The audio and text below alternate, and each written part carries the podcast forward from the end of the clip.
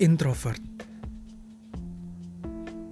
Semua orang bilang aku ini antisosial. Nggak bisa bergaul, nggak asik, aneh, culun dan pendiam. Sebetulnya aku sedang menikmati kesendirian.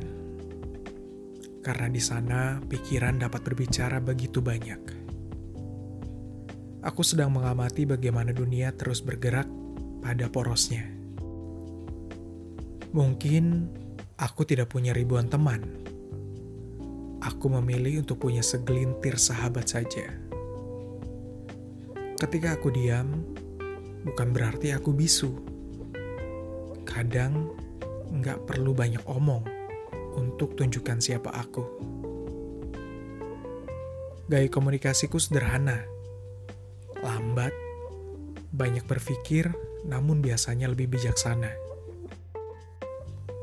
Tidak ada yang salah ketika aku suka berada di perpustakaan yang sepi pengunjung, menyukai hujan dan petir, dan coffee shop yang hening tanpa tamu.